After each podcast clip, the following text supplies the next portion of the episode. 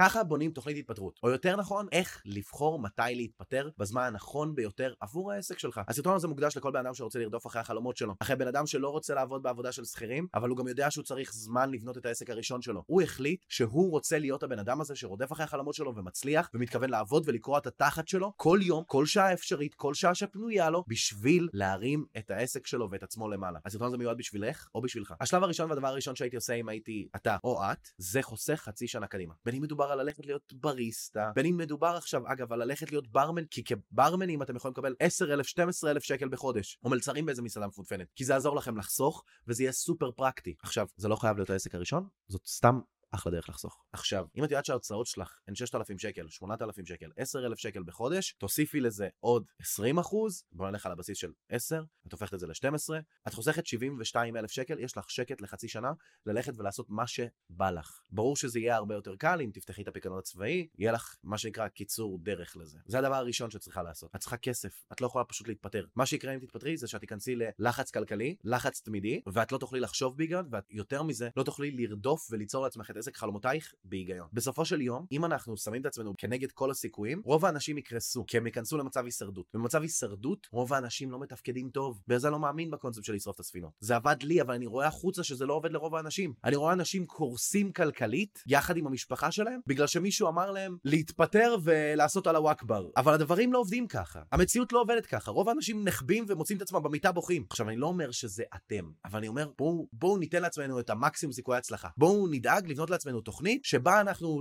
90% נצליח. וזה השלב הראשון שלה, לחסוך. גם כשאני הקמתי את בר מדיה, לפני שלוש שנים, את העסק בצורה הנוכחית שלו, היה לי 60 אלף שקל בעובר ושב. מאיפה ה-60 אלף האלה הגיעו? הייתי חייל בודד, היה לי 1,200 שקל בחודש, לא הוצאתי כלום, לא יצאתי לשום מקום, ישנתי על מזרן על הרצפה, בדירת חיילים בודדים, שהיא גם דירת תמה, אז היו קודחים לי בראש, וסבלתי. הייתי נכנס לסופר והייתי חי מ-15 שקל ביום, שזה בערך 5 פיתות וקילו חומוס. אבל בסופו של דבר, זה מה שהביא אותי לאן שאני היום. זה כזה פשוט, תחסכו את הפאקינג כסף שלכם. אין לכם תקציב לנסוע לחו"ל, אין לכם תקציב לצאת עם חברים, אין לכם תקציב לברים.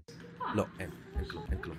אין כלום, אין, לא, אין כלום. השלב השני הוא לבחור עסק פרקטי. אם אנחנו לא נבחר עסק פרקטי, יהיה לנו מאוד מאוד קשה להצליח. עכשיו, יש סיכוי שהחלום שלך זה להיות זמרת, יש סיכוי שהחלום שלך הוא לפרוץ בגדול בעולם הקולינריה, אבל בסופו של דבר, אם לא תבחר עסק פרקטי ראשון להתחיל ממנו, לא יהיה לך מספיק ניסיון בעסקים כדי שתוכל לפרוח. הסיפור של קונור מקגור נורא יפה. הוא היה גר אצל אימא שלו עם אשתו, והוא הצליח כנגד כל הסיכויים. ותוך שבע שנים הוא הגיע למצב שבו הוא עושה 780 מיליון דולר בשנה אחת, ב-2021. הסיפור הזה לא קורה 99% מהפעמים. הסיכוי שאתם האחוז אחד שזה קורה לו, הוא קלוש. זאת המציאות. המציאות היא לא יפה, היא לא רומנטית. העולם הוא לא יפה ורומנטי. העולם הוא תכלסי וטכני. ואם אתם רוצים באמת להצליח בחיים, ולא לסבול כל החיים ממינוסים והלוואות, האחריות שלכם היא להיות פרקטיים. אני גם לא הייתי רוצה לשבת פה כל שבת, ושהידע שלי במוח היה עובר אליכם בצורה אוטומטית, ושתקלטו כמה אני המשווק הכי טוב בעולם. אבל אני לא יכול. אני צריך לשבת פה ולדבר מולכם. זה המציאות. ובגלל זה, כשאתם עכשיו מבינים שאתם צריכים להיות פרקטיים, תבחרו מקצוע שקל להצליח בו. תבחרו מקצוע עצמאי שקל להצליח בו וקל לקבל בו הרבה כסף לשעה. בין אם מדובר על שיווק דיגיטלי, על אימון כושר, על, על דברים שאתם אוהבים. החלק השלישי הוא לקחת ייעוץ. כדי שהעסק הראשון שלכם יצליח ותצליחו להרים אותו, אתם חייבים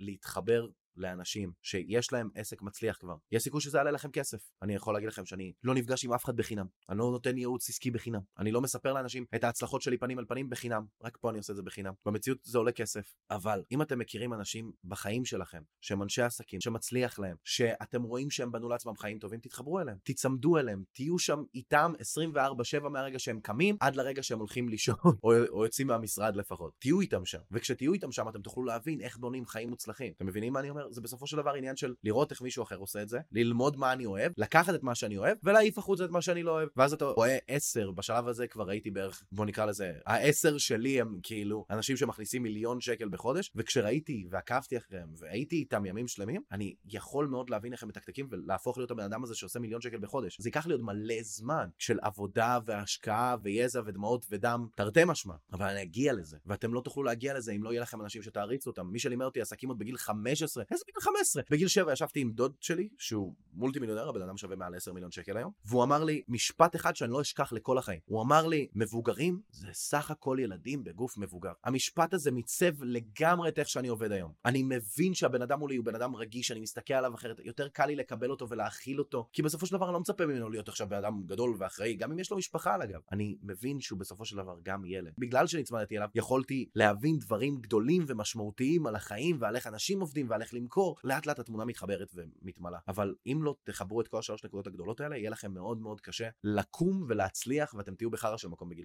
30-40.